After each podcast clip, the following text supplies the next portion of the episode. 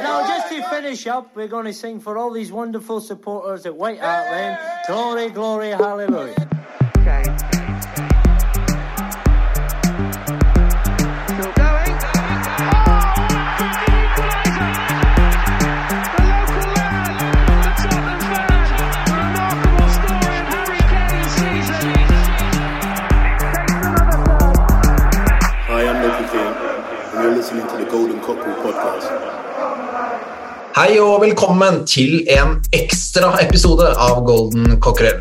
Vi skriver eh, i dag mandag 19. april, og det siste døgnet, det siste Tottenham-døgnet får vi si, har vært preget av to store nyheter.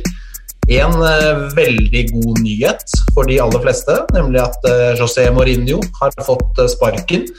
Men også en nyhet som har skapt et enormt sinne både i Tottenham og andre toppklubber i England sine supportergrupperinger, nemlig at eh, planene om Superleague blir stadig mer konkrete, og at Tottenham skal være blant klubbene som har eh, signert på en avtale om deltakelse. Og med meg for å diskutere begge disse sakene har jeg Leif Konrad Borsheim. Velkommen. Takk, takk. Ole Andreas Olsen, velkommen. Takk for det. Og Jon Georg Dale, velkommen. Takk, takk.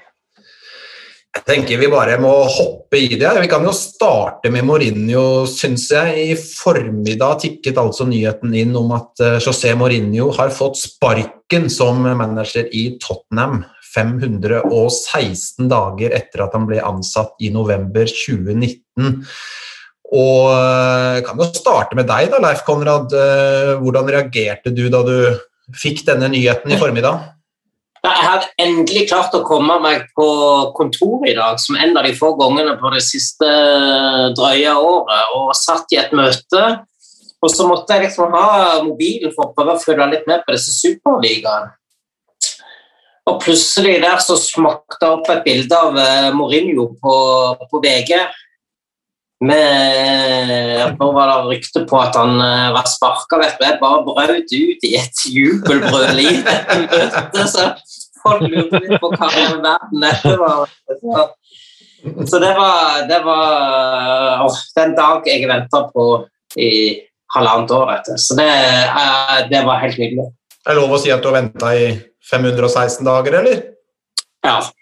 Hvis, det, hvis, hvis, det er antallet Jeg har egentlig eh, hatt et 516 dager langt mareritt som Ja. endelig er våkna opp av nå, så det er eh, helt outstanding. Ja. Hvor satt du, Jon Georg, da du fikk nyheten? Satt du, satt du i Stortinget og jublet ved siden av Erna, eller hva skjedde? Jeg satt i Stortinget ja, og så satt jeg bare og tenkte på at når jeg kjente på min reaksjon, så kunne jeg bare drømme om hvor deilig Leif hadde det. Så det var jo han, er, han, har jo, han har jo den egne evna til å få oss andre til å framstå som relativt positive. Det er jo et, et strålende egenskap. han er. Ja. Hva, hva tenker du om, eh, om dagens eh, nyhet? Ja, det er på høy tid. Vi har mm, jo sett eh, stadig mer murring i garderober. Uh, spillerne som uttaler seg. Vi har sett litt mer av den sure Mourinho enn vi for så vidt hadde glede av helt innledningsvis. Eh, felles for hele perioden er jo at vi har tatt mange sjumilssteg vekk fra den fotballen som i hvert fall jeg mener Tottenham bør tilstrebe å spille. Mm. Eh, og jeg håper jo at eh, at det er en vesentlig del av begrunnelsen når han eh, nå går ut på markedet igjen og leter etter ny manager. Det er å prøve å finne noe som spiller på en måte som gjør at de av oss som har fulgt Tottenham i mange tiår, og som har avfunnet oss med at vi ikke alltid kjemper i toppen, i hvert fall har hatt eh, glitrende fotball å se tilbake på når sesongen var omme. og det, det hadde ikke Mourinho tenkt å gi oss. og det gjorde at han også fikk eh, sitt endelikt eh, i dag, ikke en eh, dag for tidlig. Mm. Ole Andreas, eh, regner med at du eh, som oss andre har fulgt med i ja, nyhetsartikler og diskusjonsforum og Twitter og sånt i dag. Det har vært litt annen reaksjon etter sparkingen av Mourinho enn det var etter sparkingen av Pochettino for eh, halvannet år siden.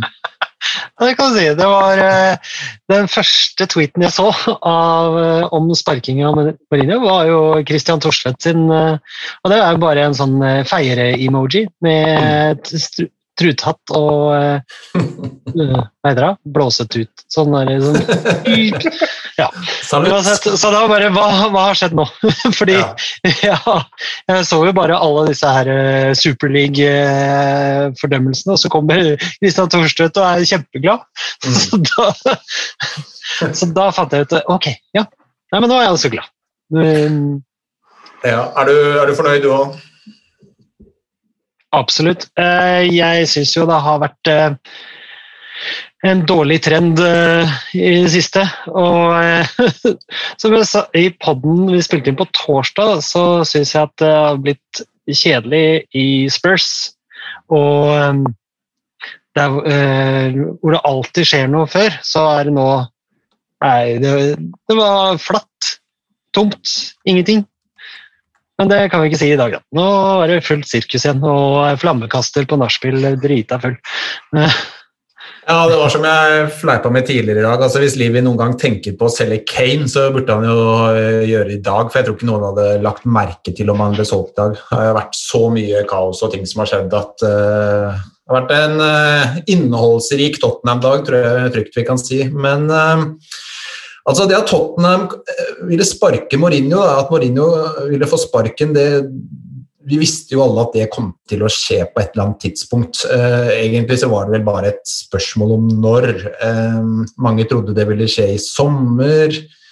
Men det var vel ikke så mange som så at den ville komme nå. Eh, seks dager før ligacupfinalen. Tidspunktet, Leif Konrad, det var litt overraskende. Veldig. Eh, Men timinga på dette er vanskelig å, å skjønne noe av, egentlig. Altså, så det kan begynne å spekulere i mye rart. Og, liksom, det har, har Mourinho bare vært noe, et sånn viktig brikke for Tottenham som en å komme seg inn i denne eliten. Eh, og, og så fort det er på en måte offentliggjort, så er det bare Da, da jeg ferdig med han og on to the next. Mm. Eh, eller, har denne nye kontrakten med, i denne superligaen ført til at eh, de økonomisk nå eh, føler seg trygge nok på at de kan, kan forsvare det økonomisk og sparke han.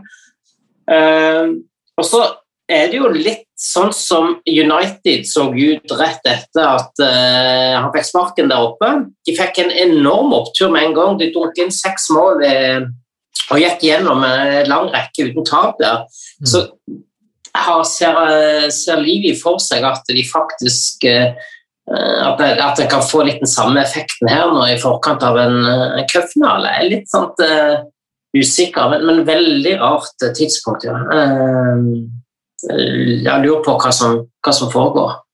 Ja, for altså Mourinho ble jo henta til klubben for å vinne pokaler. eh, Og seks dager før en finale da, så får han sparken mot et City-lag som han tross alt har vist at han kan slå med dette Tottenham-laget. Så Ja, Det spekulerer jo også i at hvis faktisk Mourinho skulle ha vunnet den kampen på søndag, så ville det kanskje vært enda verre å, å forsvare en sparking av han.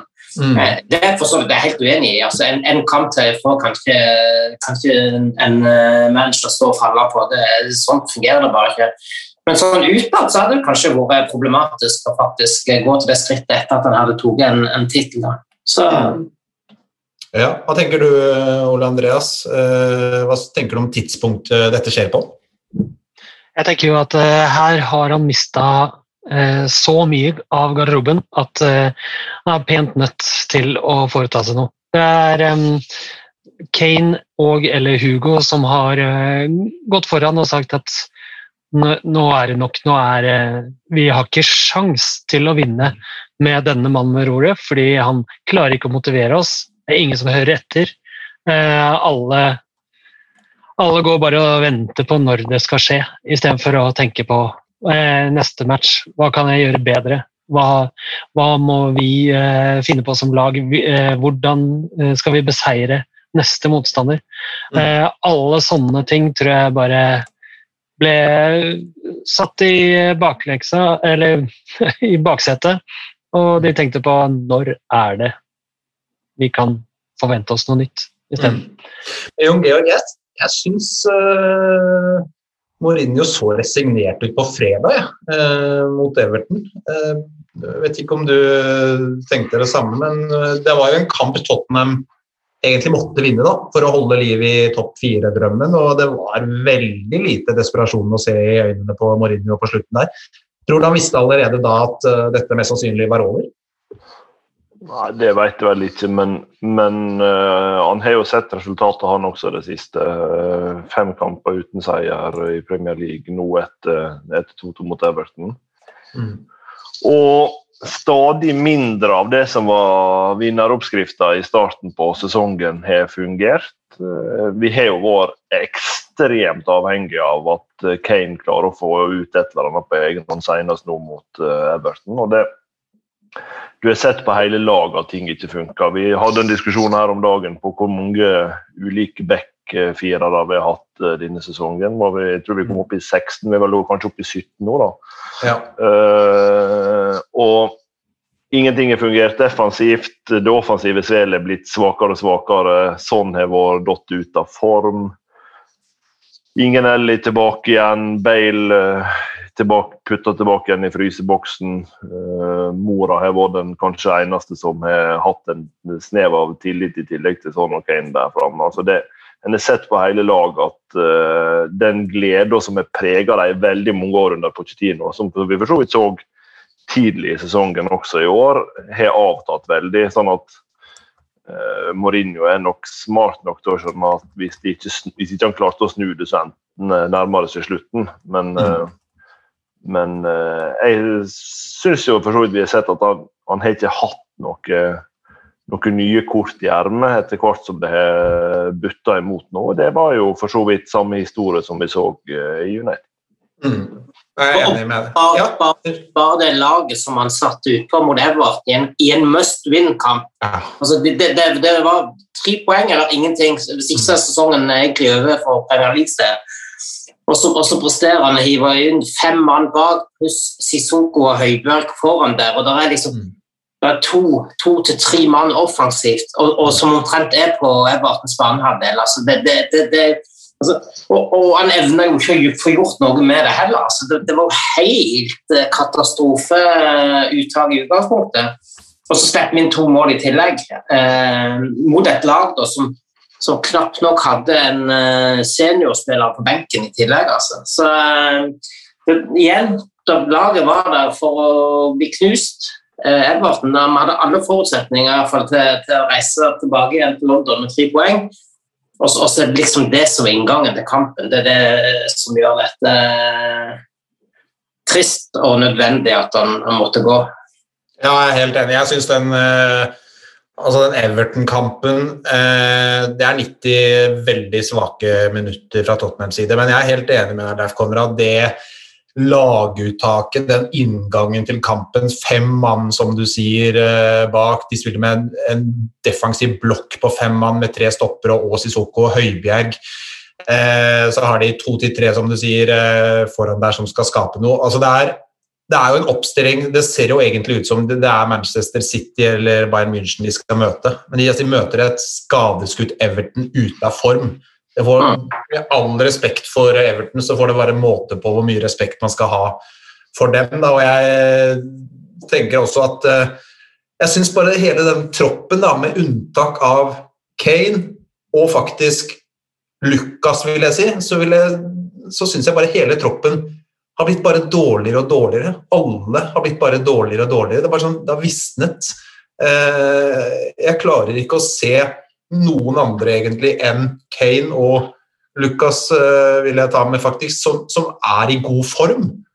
Og Lucas da, settes jo på benken mot Everton og kommer inn først når de ligger under to igjen. Sissoko spiller hele kampen. Lo Celso kommer ikke inn i hele tatt. Altså, hva, hva, var det for noe? Det var Nei, merkelig. Og så kan du legge det på toppen av at vi har jo sett etter nå over uh, lang tid at mm. der vi avgjorde kamper for et par år siden fordi vi åpenbart så ut som vi var godt trent, godt restituert, så butta de mot på tampen i kamp etter kamp etter kamp. Og det var jo for så vidt mye analyse om i forkant av Everton-kampen på det. Mm. Men det er, jo, det er jo litt av det som er problemet, og som, som vi for så vidt også har sett, og som det er kanskje grunn til å stille spørsmålstegn ved, er jo med det hardkjøret som er på antall kamper, om, om eh, utnytting av den troppa vi tross alt har, som jeg mener, selv om uh, fortsatt har sine mangler, tross alt er eh, relativt bra bredde i. Disponerer vi troppa godt nok, eller eh, har vi lagt oss på en belastning som gjør at spillerne rett og slett er tomme eh, nå eh, seks-sju serierunder før, eh, før slutt? Mm. Hva tenker du, Ole Andreas? Nei, det, det, det er jo bare Kane som holder koken, det er sant det. Altså, altså, eh, når Lucas ble putta i nummer ti-posisjon, så eh, hadde han en eh, positiv kurve, men eh, han har jo ikke vært god ellers. Um, og han har, han har eh, Ved siden av Lamela så er han en av de to som har eh, virkelig eh, kommet med litt energi inn i kampen. da. Mm. Noe som ellers var steindødt og treigt og sirup. Og så kom de i hvert fall og uh, jaga litt opp eh, det som måtte til. Mm.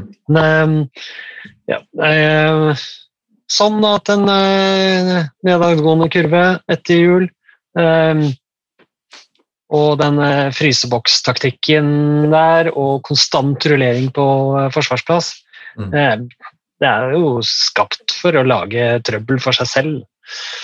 Ja. Men, eh, ja, nei, eh, det skal bli spennende å se hvordan eh, Ryan Mason eh, opptrer på, eh, på onsdag mot eh, Southampton.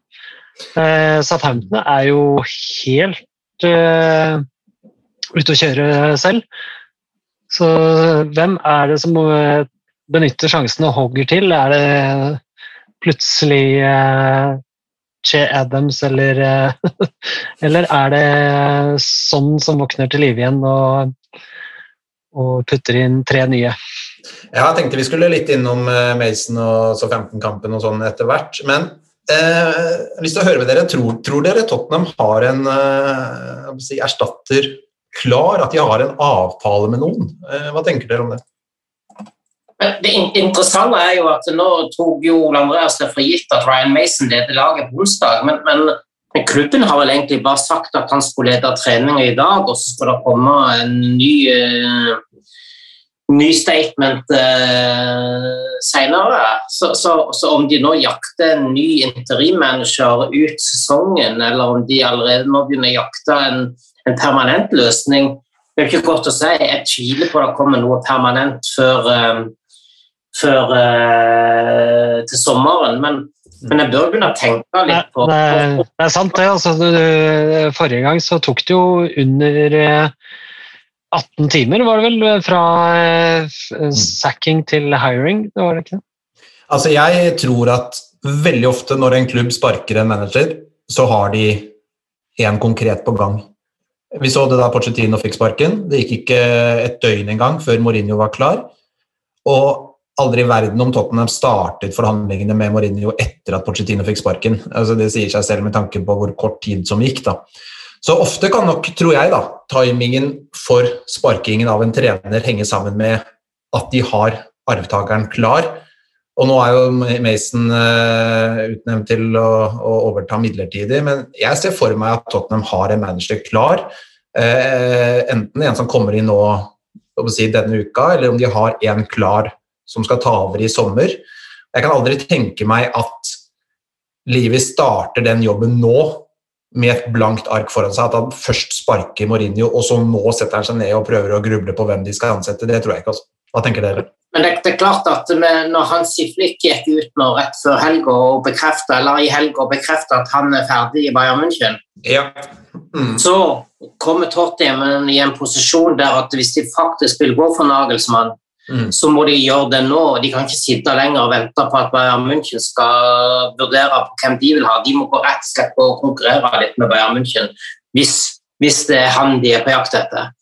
Så altså, Det kan jo ha noe med timing å gjøre her nå. Ikke sant? At de ble litt tvungne til å gjøre det kanskje før de hadde tenkt det. ja. Det ble jo skrevet et par steder at um, eh, RB Leipzig ikke ville gi um, eh, Nagelsmann til, um, til Bayern. De, de, de slipper han utenlands, men ikke uh, til en eh, direkte konkurrent. Eh, Hanse Flick er jo også rykta å ta over eh, tyske landslaget. For Jokke Løv eh, går jo av med pensjon, holdt jeg på å si. Mm. Hva tror du, Leif Konrad? Nei, unnskyld, nå tenkte jeg å spørre Jon Georg, faktisk. Hva tror du, Jon Georg? Tror du Tottenham har en på gang som eh, er sånn mer eller mindre klar? Eh, Ja, jeg tror i hvert fall det er en på gang. Og så eh, tror jeg jo for så vidt at eh, med en finale noen dager fram i tid, så hadde de sluppet det ganske raskt hvis de hadde klart å ta over. Men jeg har jo tenkt for meg sjøl bare tidligere, og uten at jeg brukte fryktelig mye tid på dette, at de som kan å regne, skjønner at denne sesongen er kjørt. Topp fire er gone. Eh, med å sparke Mourinho nå, så skal du i hvert fall eh, du skal ha litt stang inn, da. Hvis du tenker at en ny manager skal inn og posisjonere oss for å, for å ta en pokal eh, til helga. Sånn at for alle praktiske formål så tenker jeg at beslutninga nå bærer preg av at denne sesongen er avskrevet når de jobber mer langsiktig. og Da, da tror jeg kanskje Dette kommer jo fort til å bli hengt for i ettertid, men jeg, jeg tror fort at vi snakker om at en varig løsning er på plass først fra sommeren. Mm. Jeg tenker også det samme. Det er vel seks uh, seriekamper igjen nå, pluss den finalen på søndag. Så, og, i- Og om vi jinxer dette, så tåler vi det kanskje det også. ja, det kan, ja, ja, det kan jinxes alle mulige veier, så det, det Vi har fått noen spørsmål. eh, eh, Det var noen som rakk å, å sende inn på den korte tida. Uh, Cecilie spør eh, hvem som er vår favoritt til å ta over. Uh, og har du noen, Lars Peder? Ja, jeg har egentlig to jeg, som, eh, som jeg har tenkt Altså, Førstevalget mitt er Nagelsmann. Det er veldig eh, Jeg tror ikke jeg er så veldig kreativ når jeg sier det, men eh, jeg, jeg, jeg, jeg har også Nagelsmann eh, høyt oppe, men jeg er litt usikker på hvorfor. Jeg har ikke sett all verdens av eh, Hoffenheim eller eh, Leipzig, eh, skal jeg innrømme. altså. Nei. Men Altså, det eh, gjorde det veldig bra mot oss. Litt av bakgrunnen i hvert fall for at jeg ønsker Nagelsmann, er fordi For det første så har han jo vist nå eh, i Tyskland at han eh, evner å bygge et lag med unge spillere som eh, utvikler seg i takt med at laget blir bedre. Og jeg tenker at da er vi litt tilbake til der Porcettino var da han startet i Tottenham. da. Så jeg ønsker jo veldig gjerne at Tottenham nå tar en fot i bakken og tar et par dype åndedrag og kanskje starter litt på nytt i hermetegn med et prosjekt som de kanskje ser for seg kan eh, vare noen år, hvor det viktigste kanskje ikke er å vinne ligacupen første sesongen, men heller klare å skape et lag som eh, er stabilt blant de to, tre, fire beste i England. Eh, og til det så føler jeg Nagelsmann kan passe som hånd i hanske, som det heter. Og så syns jeg fotballen han står for, er fin. Den er, eh, den er egentlig minner eh, egentlig litt om den fotballen Pochettino sto for eh, de første tre-fire årene i Tottenham. Eh, og eh, Nagelsmann er jo en manager som eh, spås å være den neste store, så hvis vi kan ha han på vårt lag i Tottenham, så tror jeg, så tror jeg det er eh, et scoop for klubben også. Og så, så er spørsmålet her nå med denne superligaen og hvordan det påvirker eventuelt hvem som vil komme, og, og, og, og hvor attraktivt det er. Og, det er mye usikkerhet rundt dette nå. Sant? Så hvor, hvor står en hen oppi, oppi alt det? Så at Hvilke turneringer skal Tottenham spille neste sesong, f.eks.? Altså, det er veldig mye usikkerhet akkurat nå. da, som sikkert ikke gjøre det noe lettere å skal begynne å jakte en ny, uh, ny manager. Altså. Nei. Ja, det taler jo for at vi allerede har én, uh, i hvert fall på kroken. da. Altså, Ja, jeg tror det. Uh, hvis ikke så kunne de bare latt det skure og gå med Mourinho. De er jo de er altså Ting er jo som det er, det er få kamper igjen. Så, så nei, jeg, jeg, jeg, tipper de har en, en avtale mer eller mindre spikra. Jeg tror ikke de slipper eh, en manager før de har en, en mer eller mindre klar. Ja, det må jo være fordi at ståa er altså så giftig uh, Ja i garderoben.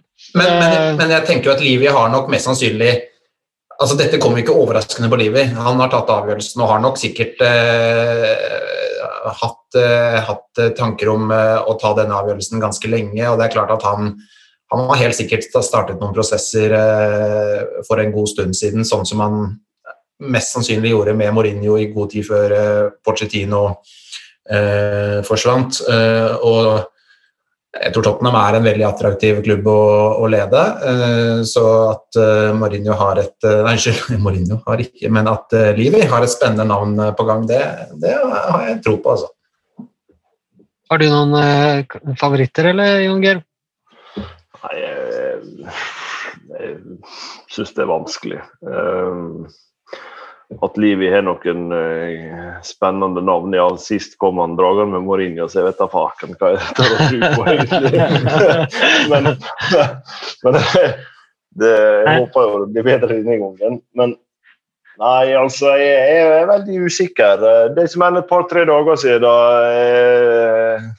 jeg, jeg slengte Klinsmann i potten og sa få nå inn. Eh, Så jeg, Ja, ja, ja. nå, eh, de siste ukene med meg var prega mer av desperasjon enn av nøye refleksjoner. av hvem vi burde hatt, det skal være sagt. Du får, eh, du får 11 i odds på Klinsmann, som overtar. Next Ja, det- permanent manager. Altså. Det er jo fint å ha noe å bruke pengene på. Kasper Vigestad i PL-podden til TV 2 han, han eh, har jo flere ganger gjentatt at um, Brendan Rogers vil passe som hånd i Ja. hanske. Det var min andre Eh. kandidat. Jeg sa vel bare han første, men det var min andre, Ja. faktisk. Ja. Men hvorfor skulle han gå fra Leicester nå? Ja, Det er det jeg også lurer på. Ja, det er Superligaen. og- ja, det, det tror jeg, altså, jeg, jeg ser liksom ikke hva som skal kunne nappe ut han.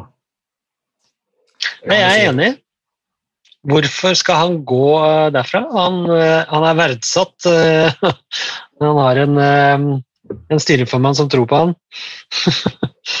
Han har det, men jeg, det er vel ikke utenkelig at en manager går fra Leicester til Tottenham, er det det? da? Det er mer attraktivt å trene Tottenham enn Leicester? Er ikke det? Gi, av, gi avkall på Champions League-plassen for å få lov å trene et lag utenfor Europaligaen. Det må være drømmen for en Ja, kvalifisert, super, super, Superliga trumfer vel Champions League, er det ikke det? Men det ble sagt i PL-podden i dag at um, han ble spurt om dette foran kampen i går, mot, uh, altså semifinalen mot uh, Southampton. Og eh, han var veldig forsiktig med å ha noe mening om det. Så det ble jo spekulert i da, om eh, han kanskje visste noe, eller var, eh, var etterspurt. eh, og ikke turte å være for bombastisk imot det. Mm. Jeg tenkte vi skulle litt tilbake til Mourinho. Altså, Konrad, du har jo, og Jon Georg egentlig, dere er kanskje de to her nå som har vært mest eh, negative da, eh, til Mourinho fra, fra dag én. Og da kan jeg spørre dere, da. Syns du det? Nei, jeg... Kan ikke skjønne hva du er på. prøver å si det litt diplomatisk. Det Mest kritiske tenkte jeg å si først, men det ble jo altfor snilt. Største rasshøla med Mourinho under hele Tørker seg med Mourinho-papir. Nei, men altså kunne, kunne det egentlig lykkes for Mourinho i Tottenham? Altså, mange, bl.a. dere, da, har jo vært svært negative til ansettelsen fra dag én, og han hadde jo en enorm jobb foran seg hvis han skulle overvinne Tottenham-fansen. Altså, hva hadde vært bra nok, da, slik som dere ser det? Han hadde alle odds imot seg når han overtok. Eh, jeg tror veldig I hvert fall så lenge jeg har fulgt Tottenham, så er det få, menn, eh, få managere vi har slutta så ringe rundt som vi gjorde rundt Pochettino. Mm. Eh, enorm sportslig framgang, eh, kombinert med et ungt eh, spennende lag som har vært bygd over tid. Ny stadion på plass, eh, enorme forventninger, plutselig tomme tribuner. altså Alt, eh, alt tilsa at det var vanskelig å lykkes for Mourinho i utgangspunktet. Legg da til at veldig mange er skeptiske under fotballen som han alltid har stått for. Mm. For måten han har håndtert motgang på, som vi vet at vi har fra tid til annen. Eh, Så skulle det godt gjøres at eh, dette kunne gå. Og det er jo derfor eh, blant annet jeg har vært veldig tydelig hele tiden på at jeg syns det var en katastrofe å ansette nå. For det, det, han kunne han kunne aldri bli en stor suksess i Tottenham. Det er lett å si i dag når han har fått fyken, men, men jeg mener dette burde Livi ha sett. For det er så enormt mange supportere som så det. Hva tenker du, Leif Konrad? Eh, Hva hadde vært bra nok? Altså, Hva skulle til da, for at du hadde snudd eh, rundt Mourinho?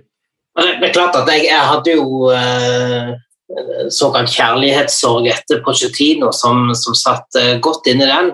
Men, men, men det her handler jo om at hadde han levert, eh, levert en bra fotball eh, Og det gjorde de jo for så vidt de første kampene etter, etter at Mourinho kom. Så reiste de vel til og møtte Westham og skåret tre mål borte og vant. og Eh, de smelte inn fem mot Burley ikke så lenge etterpå, og de, de var liksom litt sånn til dutten. Du- Så, så, så kan tenke seg at her har han fått til et eller annet. Han insisterte på at han hadde lært eh, av etter den United-fadesen, at han hadde prata med folk i klubben der på hvordan de hadde oppfattet han, og prøvd å liksom eh, ja, bli bedre på, på alle mulige plan. Han henta inn en ny assistent eh, som, eh, som kom fra stor suksess i Lille, i Joao Sacramento. Eh, så jeg komme inn med litt sånne nye, ferske ideer oppi det hele her. Da. Så, men det går jo ikke lang tid før en på en måte Mourinho-preget får satt seg, og da, og da blir det bare fryktelig kjedelig, alt som foregår. Eh, og så får han, eh, og så holder det jo på å gå ordentlig galt fram til det blir en nedstenging her pga. pandemien. Hvis, altså, den redda han egentlig første gangen, for da var det ordentlig ille en periode. Og så, og så blir vi redda med at Kane er tilbake igjen, eh, og de avslutter sesongen sånn, eh, sånn eh, noenlunde, men det var jo, det var jo bare dritkjedelig. Um, og så har eh, The Athletic, som vel var tidlig ute med rykter om sparking, og tidligere i dag eh, kommet med, med en sak nå i kveld der de, er litt sånn, de påstår at de er litt sånn på innsida av hva som har skjedd med sparkinga her. og det den, den artikkelen starter jo med bortekampen mot eh, City nå i februar, der, der de går inn til pause. De går under 1-0, de har hatt 35 eh, possession, de har ikke hatt en avslutning på mål, de har ikke hatt en corner. Og så går de inn, og så er Mourinho fornøyd. Ja. Han gir uttrykk for at eh, dette er bra, fortsett. Eh, og ifølge da The Athletics er det en spiller som rett og slett har stilt spørsmålet Syns du virkelig at dette er bra. Uh, og, og det er litt sånn også, så, så kommer det opp her at folk var misfornøyd med trening, det var slapp intensitet på trening, det var liksom ikke det store, og du, du fikk disse her store Hva skal jeg si eh, Ja, skapte ikke noe samhold rett og slett i det. Og han, han sakramentoen, eh, assistenten der, han ifølge den artikkelen òg, som, som jeg fortalte, liksom, for det er da, men, men, men der beskrevet han som en, en fyr som ikke fant sin plass inn i, i gruppa, og som ikke fikk noe respekt blant spillerne. Så, så, så han òg hadde jo så vidt en håpløs jobb. da, Hvis han bare hadde vært en sånn eh, ja-mann for Mourinho og, sant, og, og gått for hans ideer hele veien, så, så det er klart at det da fikk vi liksom ikke de, de, de gode og friske ideene og liksom moderne ideene fra han da inn i dette. Så, så, så det, ble- egentlig så ble det bare fryktelig, fryktelig kjedelig. Um, og og, og da, da var det egentlig over det. Og han, han gjorde jo ikke noe forsøk på å endre det heller. Han, han holdt fast på, sin uh, filosofi, og den, det er ikke en match til Tottenham. Det er så enkelt det. Ja, det er det jeg tenker, da, at noen trenere evner å justere kursen uh, når noe er på feil vei, men det føler jeg ikke at Mourinho gjør i hele tatt. Altså Han bare forsurer stemningen og ja, med til Mourinho? Har det ikke blitt noe bedre etter, eh, etter tiden i Tottenham? Er han ferdig som klubbmanager på det øverste nivået, tenker dere nå, eller hva? Ferdig i England, i hvert fall. Mm. Det tror jeg. Jeg tror Ja. jo at eh, starten i Tottenham var veldig mye like mye New Manager Browns som Mourinho-effekt. Ja. Eh, For eh, ikke hadde vi orden på forsvaret. Altså, vi vant riktignok 5-0 over Burnley, men eh, det trenger ikke å bevise noe særlig. Men vi, vi slapp inn masse mål, selv i starten under Mourinho. Og så, ble, så fikk vi jo skade på eh, hele angrepsrekka. Altså Son, Kane, Berkman eh, og var Lucas skada i tillegg. Det var, i hvert fall, eh, det var liksom ikke noen å sette inn der. Mm. Og da gikk det jo skikkelig ræva, og så fikk vi det pusterommet med lockdown. Og vi gjorde det egentlig ganske ok etter det. Vi klarte å karre oss inn på Europaligaplass. Og sesongen nå starta jo altså Bortsett fra åpningskampen, så, så leder vi jo serien ganske mange runder. Og da, da tenkte jeg ok, jo, dette kan funke. Mm. For jeg, jeg, det var jo mye snakk om at eh, den tredje sesongen til Mourinho kom tidlig, for den kom etter tre måneder. Uh, RLS eh, i VG, han skrev jo det også. Men, men uh, Ja. hva var spørsmålet egentlig? Jeg husker ikke. Nei, men jeg får... Drit i det, det var bra svart. Ja. Det var.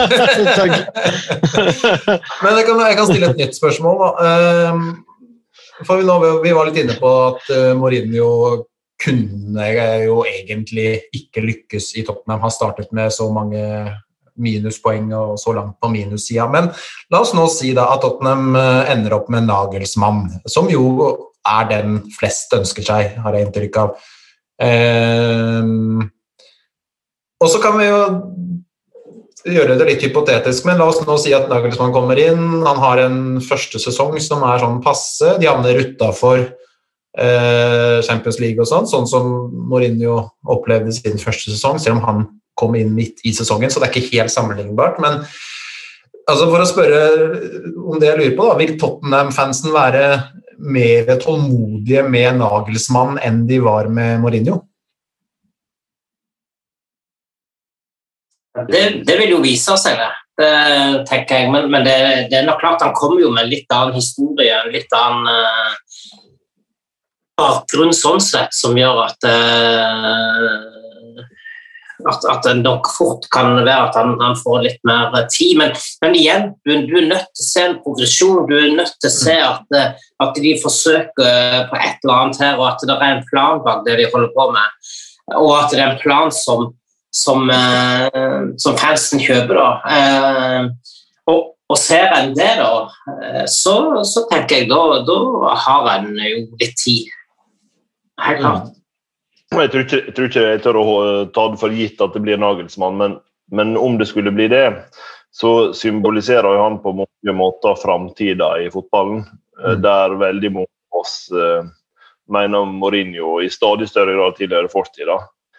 Eh, så hvis du på en måte ser ser en manager som inn, tar tak i laget, får på plass igjen spillet, mm. eh, spillerglede og ikke minst, så kommer det til å være tid til å bygge et lag. For det tror jeg vi Der er fortsatt svakhet i laget som må forbedres. Vi er fortsatt for avhengig av enkelt, uh, enkeltspillere. Forsvarsrekka vår er fortsatt ikke god nok. Så det er en jobb som må gjøres, og det må enhver manager få tid til. Men vi må bare se at det, det faktisk skjer. da. Ja, for det så vi jo under Pochettino, tenker jeg. Det var jo en sånn gradvis bedring egentlig sesong for sesong. Ja, altså, og, og, og, du hadde det, det, var jo det var vel fotball som fansen likte òg, det. Mm. Uh, så jeg tenker det, det, betyr mye. Du kan godt uh, du kan godt leve med litt varierende resultat. Men jeg tror liksom nå et, etter denne perioden her, så er folk bare litt opptatt av å se et sprudlende spørslag, et som kjemper for hverandre, et som, som tør å angripe og, og, og, og være litt offensiv og kreativ. Ja, vi så jo hvor ja, Unnskyld, dere Ja, nei, nei. Nei, vi så jo det hvor sultefòra Tottenham-fansen var på bare det å bli underholdt da, etter den eh, FA Cup-exiten mot Everton. Det ble vel 5-4 der, så var det jo eh, det var egentlig en del Tottenham-supportere som syntes det i hvert fall var digg å se en morsom fotballkamp igjen, selv om de røk ut. liksom. Så det, det, Når det har vært bare omtrent dårlige resultater og kjedelig fotball under Mourinho, så er det ikke så veldig mye å glede seg over i det hele tatt. da. Men jeg tenkte vi skulle vende blikket litt mot søndag, fordi eh, nå er det jo Mason, da, kanskje, eh, som skal lede laget i den kampen der. Tror dere sparkingen av Mourinho øker eller minsker sjansene for eh, finaleseier eh, på søndag? Jeg tror det øker, eh, rett og slett fordi at eh, han ble sparka, så er jeg bombesikker på at det var så giftig stemning uh, i, innad i laget um, at det ikke kunne kunne gå. Det var folk som ikke ville prestere. Uh, så um, det hadde nok gått bedre å ha uh, Tim Sherwood enn eh, José Mourinho um, på søndag. Mm. Hva tenker du, Jon Georg? Nei, Vi hadde jo med oss Mason på Bohemen for noen år siden, så det tyder jo på at uh, det er jo en mann for framtida. men eh, men uh, nei, altså, jeg, jeg tror jo, i i likhet med Ole Andreas, at, at dynamikken som alltid kommer rundt et managerbytte, vil telle til vår fordel nå. I tillegg til det så, så vil jeg jo tippe at Mason ikke kommer inn med en helt tydelig og gjennomtenkt filosofi ett og alt hvis det er han som leder oss, men at han tar med spillergruppa på en plan Mm. som den startelveren som man da velger å starte med, eh, faktisk tror på.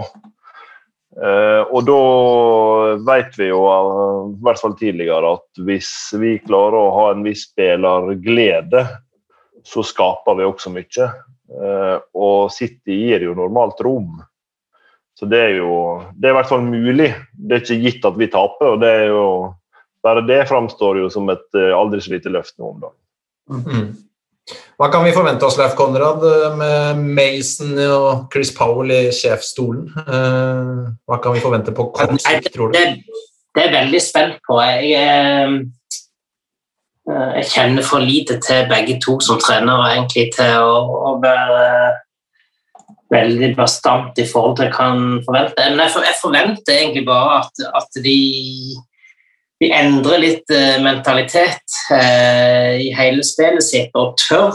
Og så får det heller, får det heller gå på en ordentlig smekk, da, hvis, hvis det er det som eh, eh, som blir konsekvensene av det. Det, det vet en aldri hvilket City-lag som møter opp heller den dagen. Derfor er det en fordel for oss selvfølgelig at de skal spille, eller kanskje nå spille semifinale i Champions League eh, eh, på, i neste uke. Sånn at eh, hvis, hvis, hvis den kampen blir noe av nå, så, så, eh, så kan jo det tale til at de eh, prioriterer den framfor eh, framfor en ligacupfinale. Det blir jo for så vidt den siste sjansen de har til å vinne Champions League hvis de investerer nå. Så det er klart at det, den er jeg sikkert veldig gira på å kunne få tatt det. Mm. Selv om eh, Jon Georg har vært på Bohe- Bohemen med Mason, så er det kanskje ingen av oss som kjenner Mason sånn veldig godt. Men eh, det er vel kanskje ikke en stor sjanse å ta og si at han er en ganske strak motsetning til Mourinho som type også. Eh, En mild, mild type. Snill fyr, eh, har jeg inntrykk av. Godt likt i klubben. Eh, vært i klubben lenge, kjenner, kjenner klubben. Eh, jeg tenker litt sånn, jeg hørte noen snakke om det tidligere i dag også, at, eh, at det kan minne litt om Solskjær, da, som kom inn eh, og tok over etter Mourinho i United. Og de fikk jo en god effekt av det i starten der. Er det det et lag og en spillergruppe og en tropp kan trenge når ja, ting er så betent da, som det opplagt virker at det er nå, at det kommer inn en som bare kan legge hånda på skulderen og frigjøre litt energi.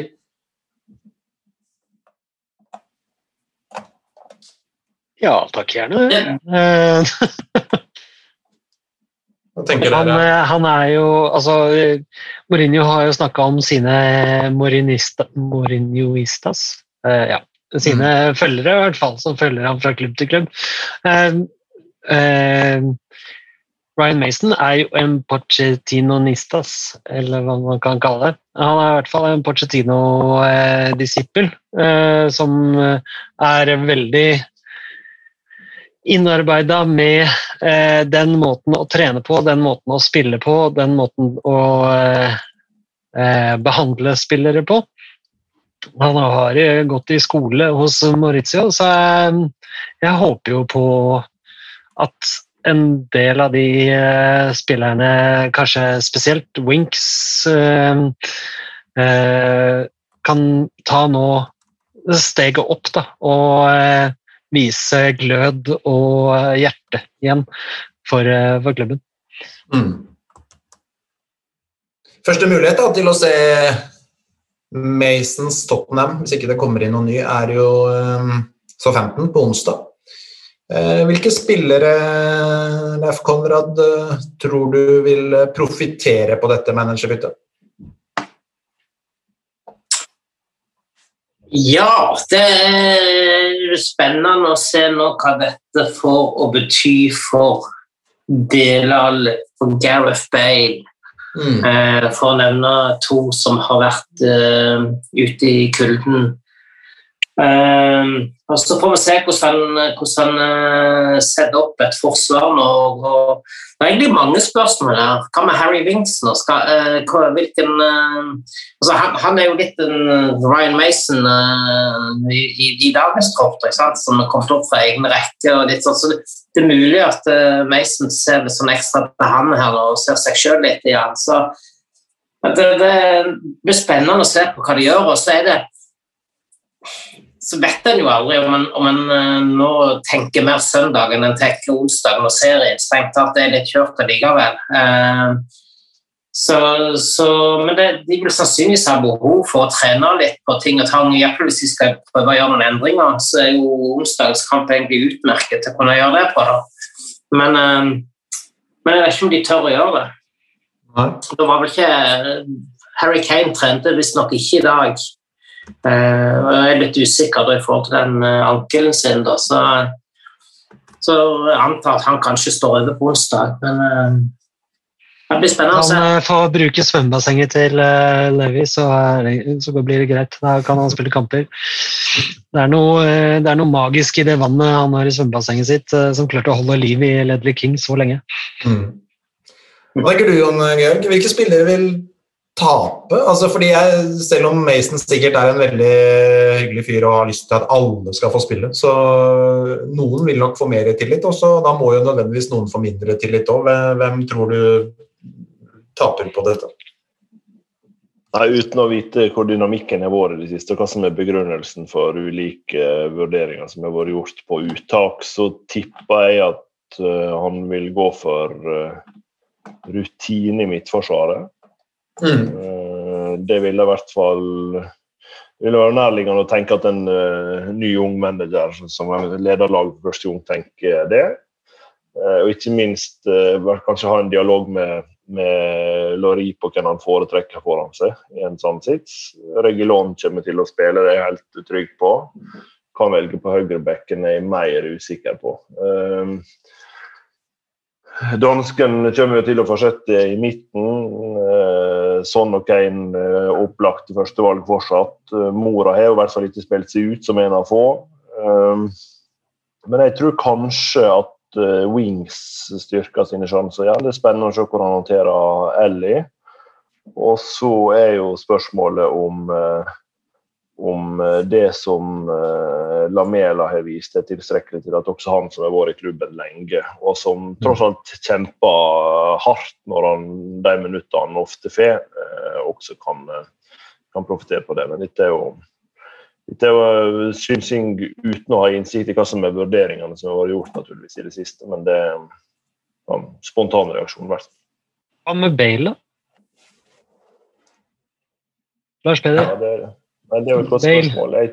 Bale, plass til Bale? Ja, det var det, da. Det, det, jeg tipper det er veldig mange Mason har eh, lyst til å uh, gi muligheten, egentlig, av de som har spilt litt lite, og kanskje Bale er blant dem. Ja, Bale, hvorfor ikke? Uh, jeg tror kanskje Bale, eh, heller Bale enn Lamela, kanskje. Uh, jo, jeg tror kanskje Bale starter mot Southampton. Det skal jeg ikke, skal jeg ikke se bort ifra, altså. Eh, jeg tror jeg, altså, for å svare litt på mitt eget spørsmål som jeg stilte til Jon Georg, jeg har liksom på følelsen av at en spiller som så fort nå kan uh, ja, spille mindre, da, tape på dette, det er Moussa Sissoko. Ser for meg at han uh, er litt Win-win. sånn Win-win, ja. ja, ja.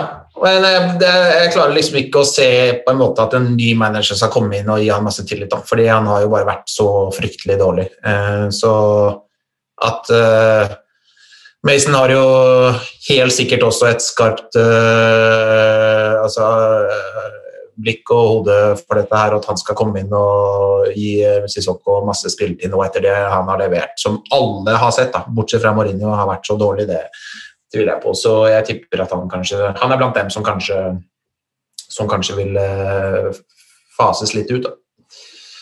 Men vi får se. Nå skal jeg lage en litt sånn fin overgang, for vi skal eh, over på et annet tema som er kjempeviktig. Og da skal jeg si følgende at Men uh, Ja, har du noe du vil si ja, før jeg Ja, vi, går vi over? må vi, vi har fått to spørsmål. Ja, ja. dårlig det, dårlig ja, å bare ta ett av de. ja, ja, ja, Fordi ja. eh, Espen Berntsen han spør hvorfor er det ingen som nevner Ten Hag som kandidat. Jeg syns jo jeg syns jo det er verdt et par minutter. Ja. For Ten Hag han var jo strålende i eh, Ajax. Mm. Og så dro han til eh, Dortmund. eh, Fikk det ikke helt til. Og nå står det stille hvilken annen tysk klubb han dro til etterpå. Um, Han, Var det Lever Leverkosen, eller var det Hvor var det? Ja. han har vært- eh, i Bayern München eh, sitt andre lag, og så har han vært i Utrecht. Dortmund har han vel ikke vært i. er det ikke Hvem er det jeg eh, Jo. Unnskyld. Um, eh, for han var Han, eh, tok, han spilte jo Europaliga-finalen mot, eh, mot eh, Manchester United. Eh, ja, samme av det. Eh, det kan godt hende du har rett. Jeg bare klikka meg inn på Wikipedia, og da står Ja. det at han har hatt Go Ahead Den Eagles. er ikke oppdatert uh, i det siste.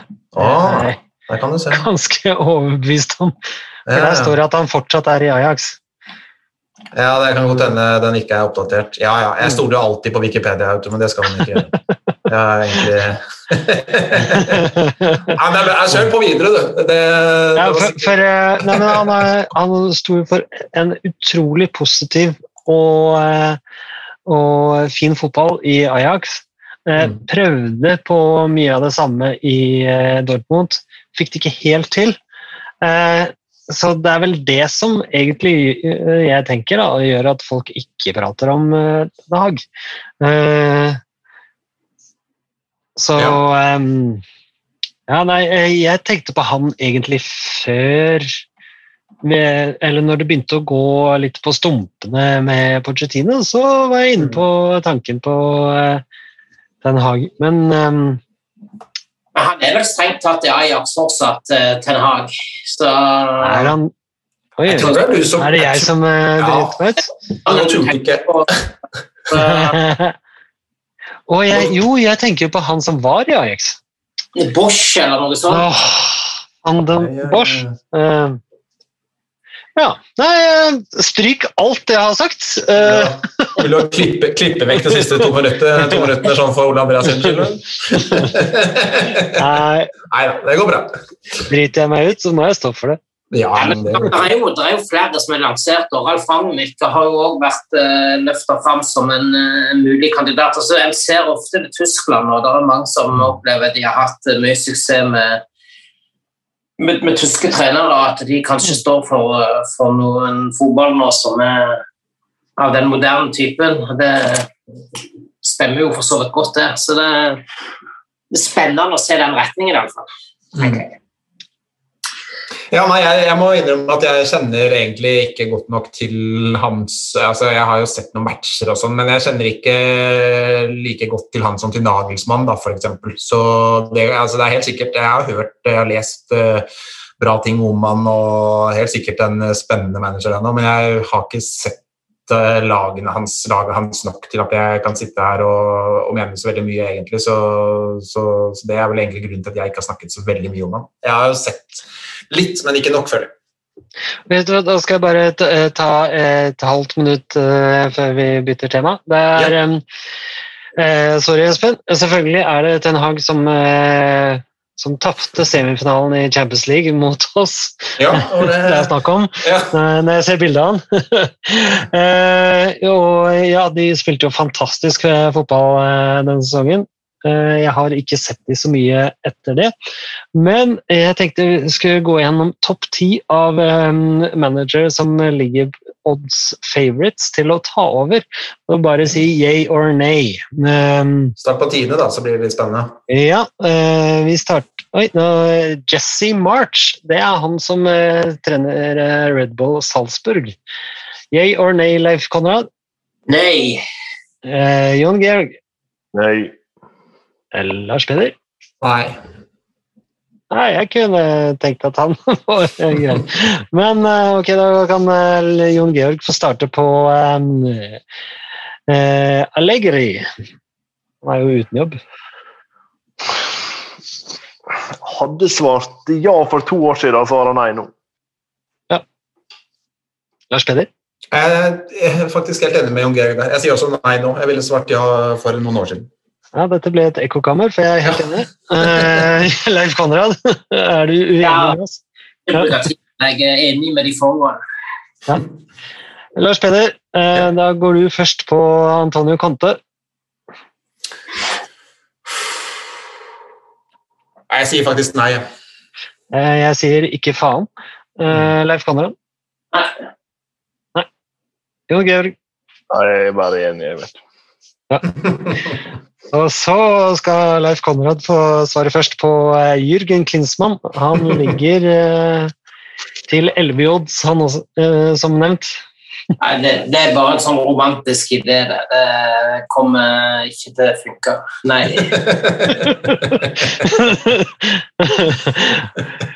Skal jeg spørre deg, Jon Georg? Eller Ja! ja! ja, Lars? Nei, nei. Ikke som spiller, ja. Som manager, nei.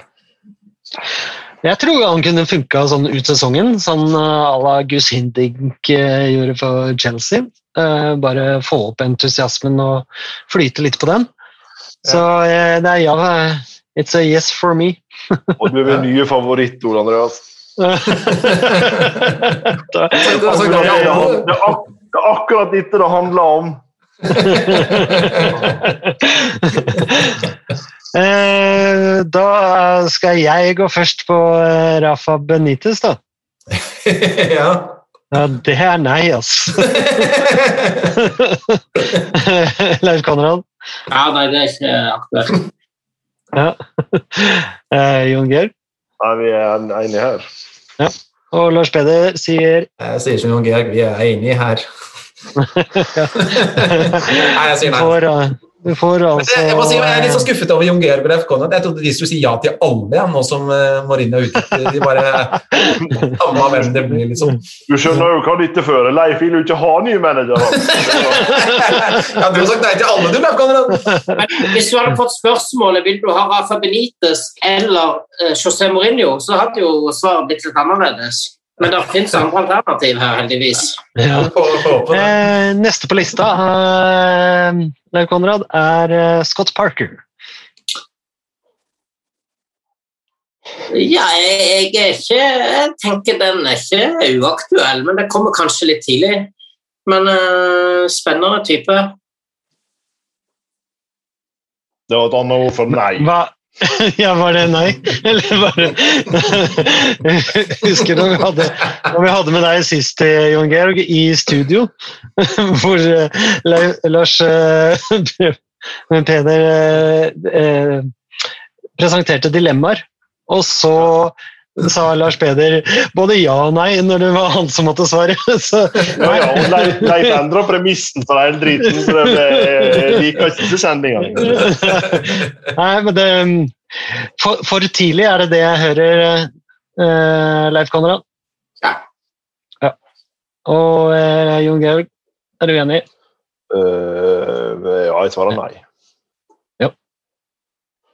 Ja, nei, jeg, kan, jeg svarer nei. Altså, han har jo ikke Han har eh, ledet et bunnlag i Premier League. Liksom det. Han, han trenger en, et mellomsteg før han skal til Tottenham, men han kommer til Tottenham en dag.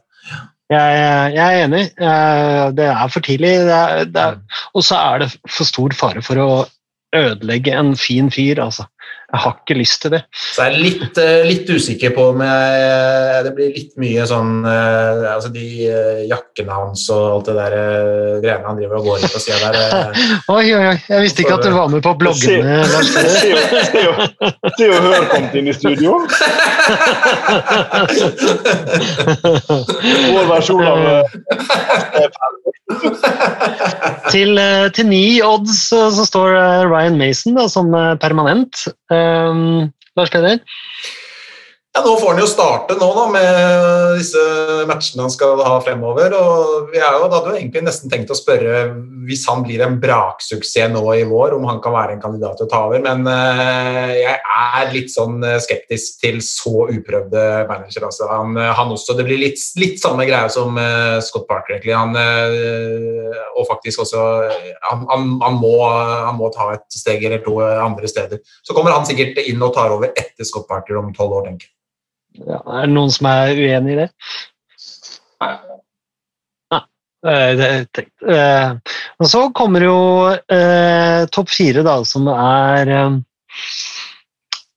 Kanskje vi skal droppe dette yeah or nay, men eh, vi kan ta eh, Hvem skal ut av eh, Nuno Espirito Santo, Eddie Howe, Julian Nagelsmann og Brendan Rodgers? Hvem eh, vil du minst ha? Eddie Howe. Eddie Howe. Hvorfor det? Minst troa på han, eller bare Nei, men han har vel egentlig eh, Han har vel egentlig uh, Han prøvde seg jo vekk fra Bournemouth en periode, og det ble jo en katastrofe. Det var vel oppe i Burnley der han var varte ikke lenge. og så fikk han Han lykkes jo bra i Bournemouth, men det rakna jo litt der til slutt. Men, uh, men han står jo uten jobb nå, så sånn sett så hvis han er på jakt etter en interim nå ut sesongen, så kunne det jo vært interessant å å, å, å gitt han den muligheten for å se på hvordan dette funker. Så akkurat det hadde jeg vært litt sånn åpen for å, kunne gjøre. Men, eh, eh, Jeg har inntrykk av at han er ganske tydelig i både stil og, og hvordan han eh, coacher laget sitt. Men eh, er det noen eh, er det noen, eller det jeg kan si da, er det noen som eh, kunne ønske seg Nuno Espirito Santo på permanent basis? Nei, og jeg skal si eh, José Mourinho tilbake i sine yngre landsdager. Var ikke han keeper? Jo. En dårlig keeper, eh, sågar, men keeper. Eh, og nå har Mourinho var jo keeper, og Nuno Espirito Santo var keeper. Jeg tror vi skal gå vekk fra det keepergreiene. Hvor mange keepere er det egentlig som har lykkes som manager? Frode Grodås? Zenga har vel eh, viss suksess borte i Kina der, har han ikke? Ja, men det, altså, det er bare det er bare tanke for at jeg husker eh, Mitt kjære HamKam hadde jo Frode Grodås en sesong. Det var jo mildt sagt elendige saker. Jeg bare syns det er litt sånn fascinerende med keepere og manageryrket. Jeg syns det er veldig sjelden at eks-keepere lykkes som manager. Mm. Det er et side, sidesprang de luxe. Det er ikke derfor, men jeg vil ikke ha, jeg vil ikke ha Nuno Espirito Santo. Altså. Det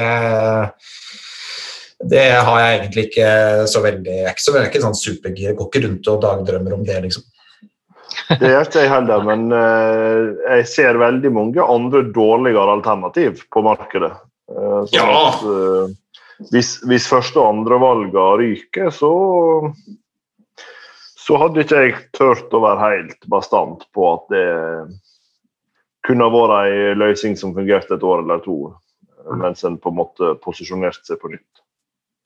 Ja, Da kan han, må han i så fall ta med seg noen uh, Wolverhampton-spillere. Det er noen spillere der borte som, uh, som jeg godt kan tenke meg i Tottenham, selv om vi har Doherty uh, frist i minne som uh, så, så er det Det alle ikke andre verre, som i hvert fall. Nei, det blir ikke noe verre, i hvert fall. Men, men nå gutter, nå har vi holdt på i over en time, og vi har ikke, ikke vært innom den store elefanten i rommet her. eh. Nei, jeg prøvde jo, jeg, da, men så stoppa Ole Andreas meg med sånne topp ti-lister og alt som Ti skudd.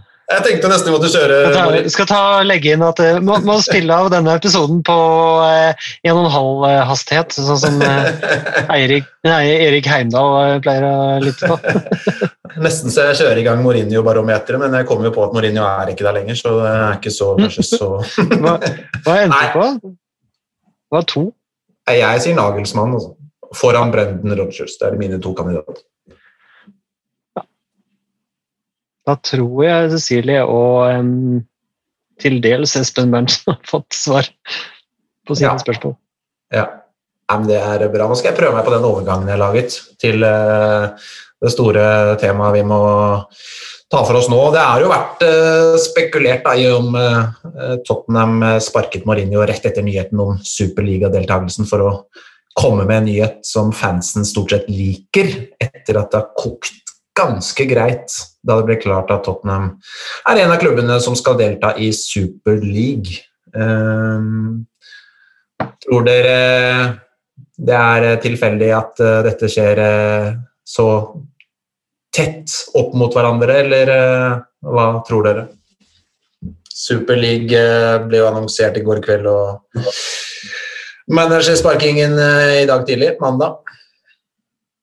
Nei, det kan, det kan godt være at, at det er en, en viss sammenheng der, sånn som du, du antyder, Lars Peder. Men jeg, vet ikke, jeg, ville, jeg ville kanskje gjort det i motsatt rekkefølge. Jeg, jeg vet ikke.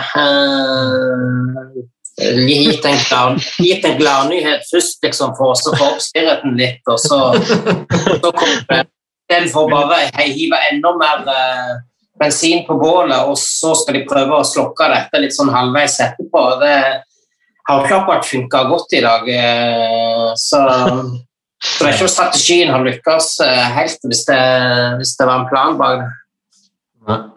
Nei, Vi kan jo ta det kort. da, så det er jo, Dette er jo noe som alle som jeg er på alle som er interessert nok til å høre på denne podkasten, har jo også fått med seg nyheten om Superligaen. Så vi trenger jo ikke å på en måte gå i detalj på hva den går ut på. Eh, Men Tottenham eh, har jo da skrevet under på sin deltakelse sammen med fem andre klubber fra England og eh, supportere fra både disse seks klubbene og fra de øvrige spanske og italienske Sexklubbene? Nei, det var ikke det jeg sa, Ole Andreas, men jeg skjønner at eh, eh, Det har jo vært eh, veldig, veldig eh, store protester blant supporterne. eh, Sinne. Eh, Og eh, ja, hva, hva sitter dere igjen med etter, å, etter den nyheten som eh, sprakk i går om, eh, om Tottenhams deltakelse i Superligaen? Leif Konrad, du kan begynne. Jeg begynner. Nei, jeg syns, det er pinlig, det er flaut, det er eh, så dårlig stil at eh, det ligner ingenting. Her er det snakk om å maksimere bunnlinja så det holder. Mm. Eh, uten respekt for, eh, for noe som helst, altså.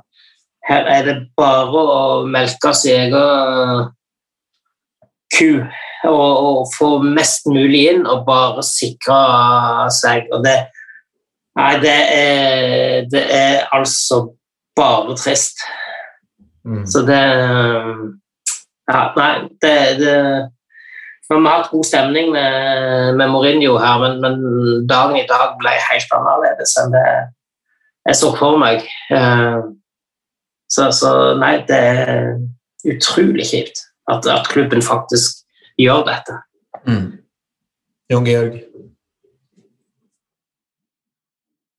Ja, um, jeg tenkte å være litt mer nyansert. og Det, det handler ikke om eh, det som jeg mener bør være hovedprinsippet i eh, i enhver fotballturnering, nemlig at du kvalifiserer det. Det er liksom en bunnplanke som eh, jeg Mm. tror alle som, som bruker tid på fotball, tenker at den må alltid være der. Men det som irriterer meg noe grenseløst med reaksjonene i dag, er jo at den, det plutselig ser ut som om Fifa og Uefa er en helt fin og flott gjeng. Ja. Eh, og at de på en måte blir sittende igjen som den store store blankpolerte seiersherren etter dette er jo en katastrofe. Jeg tror punkt 1 Superliga ikke kommer til å bli noe av. Men jeg tror at konsekvensene av dette er mye større. Altså, og enkelt sagt, det ligger igjen 6500 lik etter Fifa i Qatar. Reaksjonene fra fotballverdenen er en brøkdel av det vi ser som reaksjoner på en planlagt alternativ liga i dag. Det syns jeg er et enormt paradoks. Uh, Uefa foretar ikke seg noe som helst i veldig mange andre sammenhenger. Her er det alle mann til pumpene for å prøve å redde stumpene etter seg. Og så kan en jo begynne å bore i hva er det egentlig de ender opp med som alternativ den dagen Superliga er skutt ned, som også jeg for så vidt håper blir. Jo, vi kommer igjen med mye av det samme prinsippet. Uefa legger jo nå opp til at fire klubber skal slippe å kvalifisere seg etter forhandlinger etter dette, kanskje det blir seks, kanskje blir det åtte. Hva er den prinsipielle forskjellen på at fire får lov å klare det, og ikke tolv? Eh, De skal inn med kanskje opp mot 14 kamper i kvalifiseringene. Det betyr at for lag som skal både spille Premier League, FA Cup, Ligacup og europacupspill, landslaget på toppen, så snakker vi om at spillerne skal ha 38 kamper hjemme. De skal, hvis de går helt til topps i i Champions League i framtida ha, ha, nye 20 kamper på toppen av det. De skal ha 10-15 kamper i andre cuper, og de skal ha landslaget på toppen. Det er ingen andre klubber enn de aller største som kommer til å henge med i det jækla racet som Uefa sjøl driver i gang. Og på toppen av det så skal Fifa ha egen, egen verdensturnering med VM for klubblag. Og oppi alt dette så er jeg helt sikker på at denne der rottegjengen der, den dagen de får skutt ned Superleague, så kommer de til å akseptere alle løsninger så lenge den monopolsituasjonen er løst, og at det skjer innenfor eh, parasollen til Uefa og Fifa. Og for fotballen er vi akkurat like jævla langt.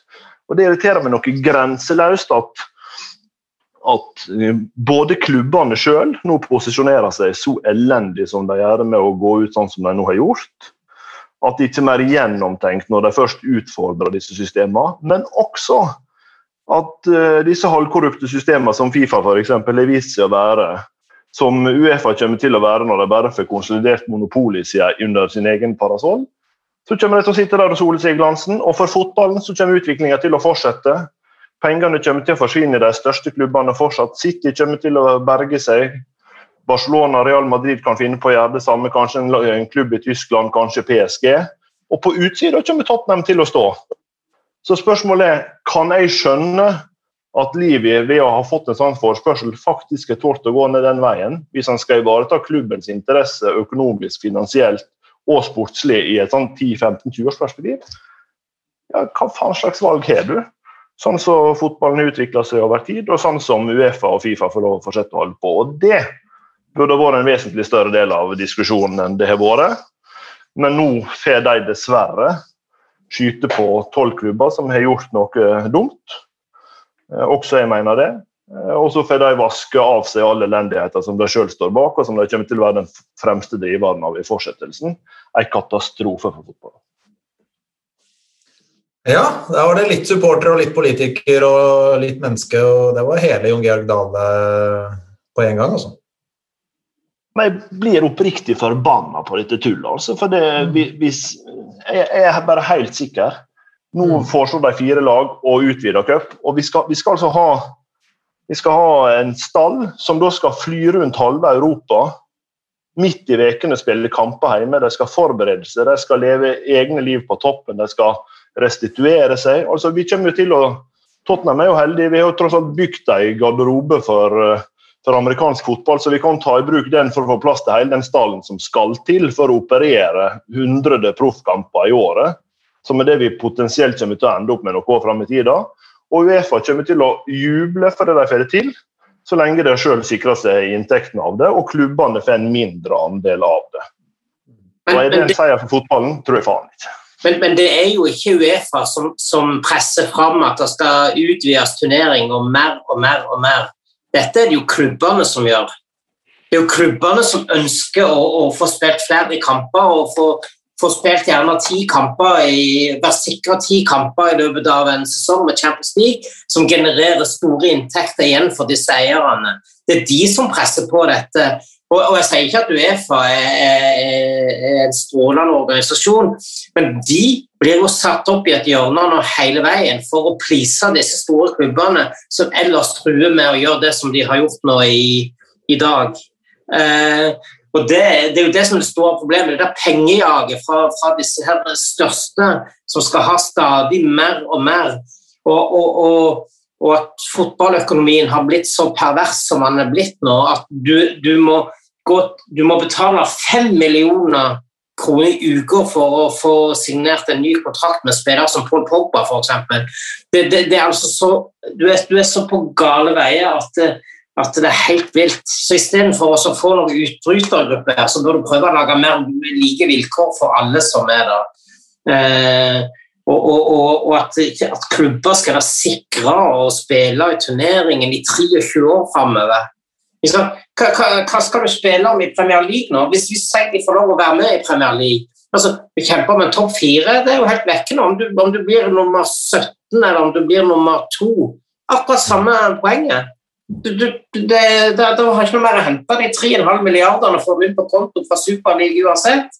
Eh, så det betyr ingenting. Sesongen er jo er jo slutt før han har begynt. Så, så det konkurranseelementet forsvinner helt her når du ikke skal ha noe eh, utslagskonkurranse. Det skal ikke være mulig å ryke ut av turneringen. Jeg er helt enig med deg at de, de, de store og de rike de kommer bare til å bli rikere. Samme faen, egentlig. Eh, og, og, det er det store problemet som fotballen eh, har hatt og har og kommer til å ha langt fram i tid så skjønner jeg òg det at Livi vil være med på dette. Sant? Hvis ikke så blir du satt på sidelinja og se, se, litt på. Men det er jo det 14 andre klubber nå i Premier League sitter og kjenner på. De, deres deres framtid er, er, per def over nå. Det er seks klubber som starter med tre milliarder mer per sesong. Eh, og starter med et utgangspunkt som de andre bare kan drømme om. De er bare med for å gjøre opp eh, nummeret her nå i en, i en Premier League som mister fullstendig interessen. Så, så, så eh, det, det, er altså en dårlig idé fra ende til annen.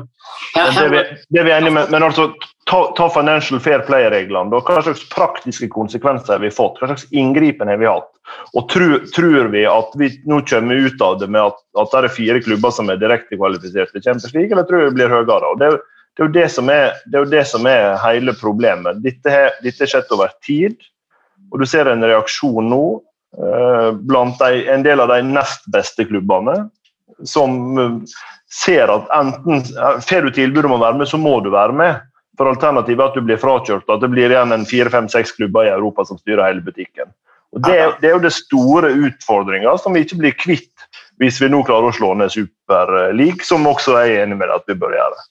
Men igjen, det er ikke Uefa som har pressa fram disse endringene i, i cupsystemet eller Champions League-systemet eller hva det nå måtte være. Det er det klubbene som har pressa fram fordi at eh, flere vil være med og få ta del i den kaka. Og, og, og, når du har en, en åtte klubber i Premier League eksempel, som alle tenker at her bør vi være med i denne turneringen, så er det klart at presset blir jo der. Da. Men det er klubbene som har pressa på det. Det er ikke Uefa som har sagt at nå må vi spille enda flere kamper.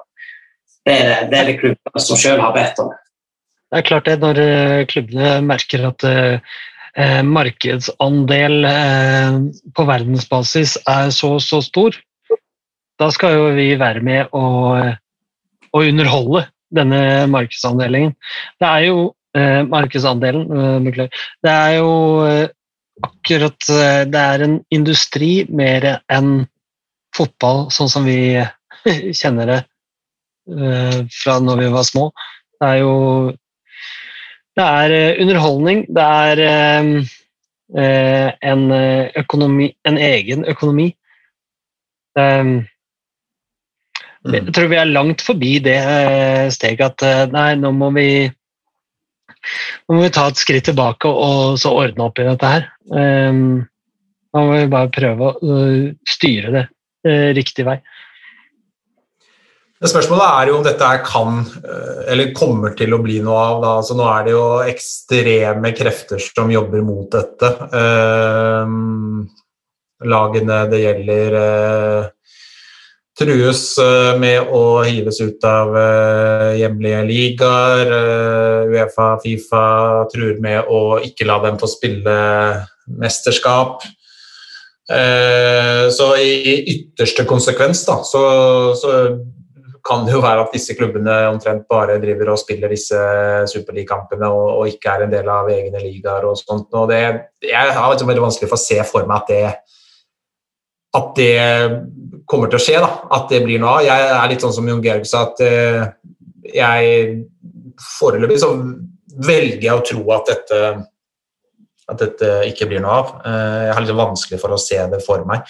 Eh, Men de virker jo å ha kommet eh, egentlig så langt i planleggingen at, eh, at eh, man begynner å kjenne litt på om det faktisk kan skje. Da. Men spørsmålet er også liksom, interessen rundt dette. Da. Altså, da er det jo en 20 lag, da.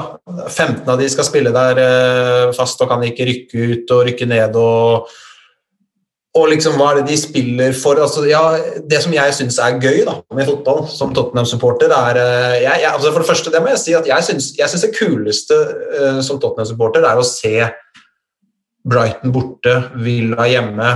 Så har du en kamp mot Arsenal der, som, Arsenal der, som, uh, som er som ekstra stor. Og så liksom de der hverdagskampene, da, onsdag og søndag og sånt. Og så Hvis du gjør det bra, så er du kvalifisert for Champions League, og det er store greier. liksom. Det er kjempestas å være med der. Eh, plutselig møter du Barcelona hjemme i Nord-London. Utrolig kult. og Kanskje tar du poeng og, og til og med slår dem, og så kan du gå videre, og så er du kanskje bare tre-fire steg fra en finale. Det er den der pyramiden da, at du har liksom hele tiden noe, noe å kjempe for. Men hvis du skal spille i en sånn der liga med 20 lag og altså da, Det er kult å møte Bayern München og Barcelona, men det er ikke så kult å møte dem kanskje hver uke, da, og i betydningsløse kamper etter hvert òg. Ole Andreas? Ja, nei, jeg er helt enig, og dette er, dette er fansens eh, eh, synspunkt. Altså, Mm. Vi vil ha konkurransen, vi vil ha eh, den Askeladde-muligheten, men eh, altså, denne superligaen er lagd for å tjene penger. Og eh, Uefa er imot dette fordi at de kommer til å tape penger. Det er ikke, Uefa tenker ikke på fansen, så det er veldig viktig å høre på det Jon Georg sier, at altså, Uefa er ikke noe, det er ikke noe snille her. De har jo vært eh, helt horrible lenge. Mm. Så eh, nei eh, det, en, det eneste jeg føler meg sikker på, er at fansen kommer til å tape. Og så Ja. får vi se eh, hvor, hvor vi taper mest. Eh, dessverre. Eh, Var det tilfeldig at denne nyheten kom, eller det ble offentliggjort mens amerikanerne satt og spiste middag, og mens eh, asiatene satt og spiste frokost, mens alle vi i Europa lå og sov? Eh, eh, det er jo ikke tvil om hvor, hvor, hvor, hvor de ser at markedet er hen her nå for denne ligaen, og hvor, hvor de skal tjene de store pengene hen. Så, eh, så det men det, det blir interessant å se nå, altså, hva som blir utfallet av dette. Eh, det, det, det kan være enden på klubbene, sånn som eh, vi kjenner dem. Og, og, ja, og, og det er jo i så fall ekstremt trist. Altså.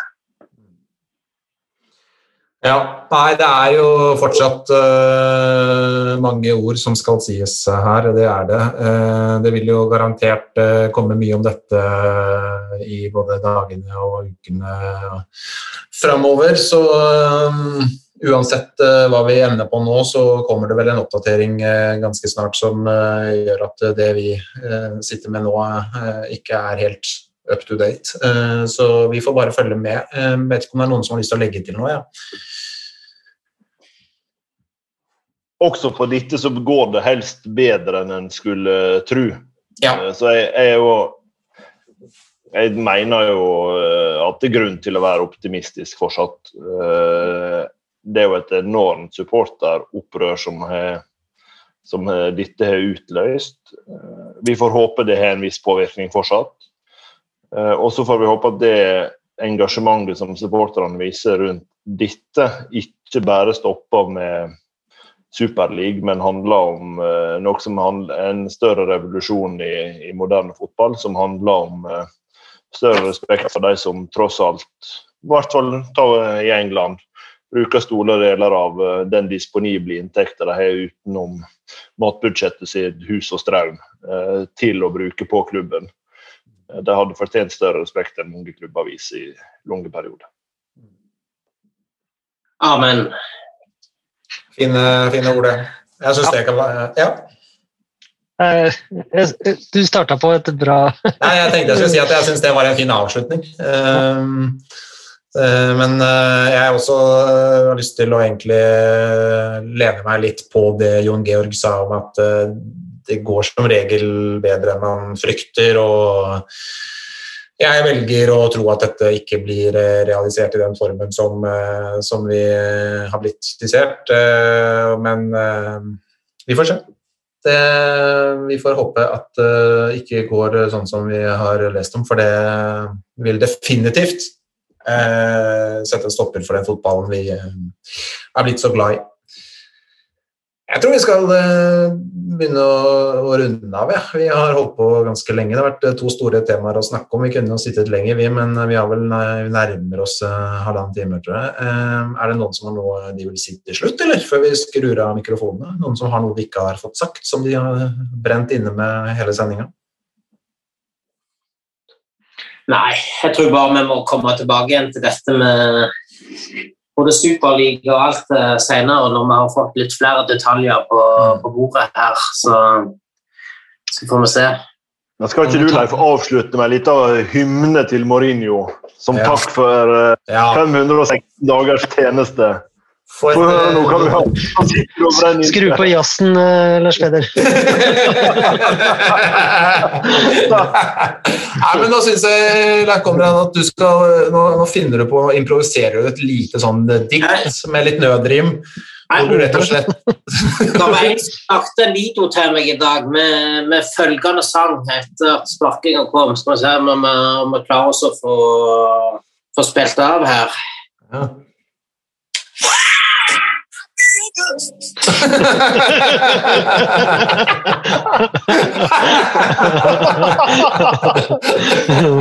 Jeg syns det var en fin avslutning. Jeg synes Det var en, eh, det oppsummerer Leif Konrad og hans eh, humør etter at nyheten slapp klokka 11.20 i dag, eller når det var.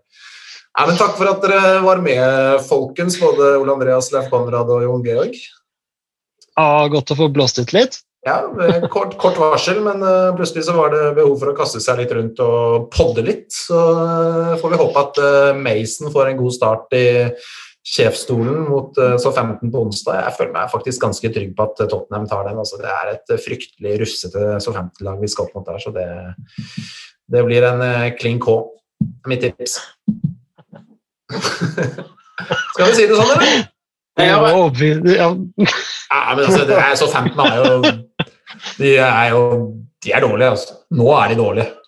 Nei, det, det skal jeg spille H på langoddsen og ja, Kappa Kappa Hadde ikke, Kane, hadde ikke du en stund sånn derre odds-spalte for oddsen.no eller noe? H, H, på, H på Tottenham så 15 eh, på onsdag, det, den, tror jeg, den tror jeg den skal gå. Den skal gå. Den, eh, jeg har trua. Jeg har trua. Mason med flying så, start. jeg ble så oppfyrt på denne der, eh, Superleague-diskusjonen nå at jeg tenkte det kom til å vare en stund, så gikk jeg og hentet meg en ny øl, så dette blir jo aldeles eh, strålende. Jeg ta med, kan ta med en, en tweet fra Leeds, da, som uh, skåra helt på slutten mot Liverpool. Yeah. Uh, full time, Leeds United holds Super League side Merseyside Reds to a 1-1 draw. Jeg så det. De driver og ja. det, det, det er gøy. De hadde jo T-skjorter og greier i beste NFF-stil. så Jeg har jo fått en sjukt mye likes på den tweeten òg nå. Det var eh, ja, 24 000 eh, i hvert fall. Jeg tror det var en halvtime. Nesten Ville også hadde en veldig fin Uh, eh, tweet i dag. Ja. Uh, David Bradley som forteller historie om uh, si historie om eh, forholdet til klubben. Kjempebra. Å ja, det var den, ja. Jeg så en annen, ja. det var vel også Villa. De skal vel møte Møter ikke de eh, Manchester City på Onsdag. onsdag, så hadde de lagt ut bilde to dager til kamp, og så så man bare eh, baksiden av drakten hvor det står da navnet Cash. Ja. Matt Det, er jo, det, det var en time før. Men det, det er, verdt, det er verdt, faktisk verdt å se. Det er eh, Villa-video Villa-video på tre minutter. Kjempegreier, faktisk. Mm. For å skryte litt av et annet lag. Da tar vi en kjapp eh, til slutt. Dere får eh, to sekunder til å tenke. Eh, Ole Andreas, hvem skårer eh, første målet under Mason for toppene? To sekunder. Danny, Danny Rose. Danny Rose, ja. Danny Rose. Hva sier du, Leif Konrad? Danny Rose han var jo visst i kjempeform på treningsfeltet i dag. Var ute og gliste og koste seg skikkelig. Så, så det er jo bra at han har funnet humøret igjen. Men jeg tror det blir en annen en som, eh, som finner humøret, og det er Gareth Bale. ja. Hva tror du, Jan Georg? Nei, da tenker jeg det er kjedelig å gå for Kane, jeg, da. Han, ja, jeg spiller, da. Ja, men litt, odd- du, du, må ha litt odds. Ja da. Ja, ja, ja. Ta en liten sånn eh, Joker Nord. Ja. ja da tar jeg Blir det noe mer Joker Nord enn Danny Rose?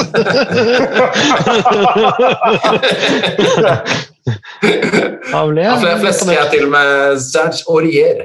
Skårer første mål under eh, Ja, Og så disser du meg på Kane. ja, Jeg får til å være på nå skal du gå og legge deg.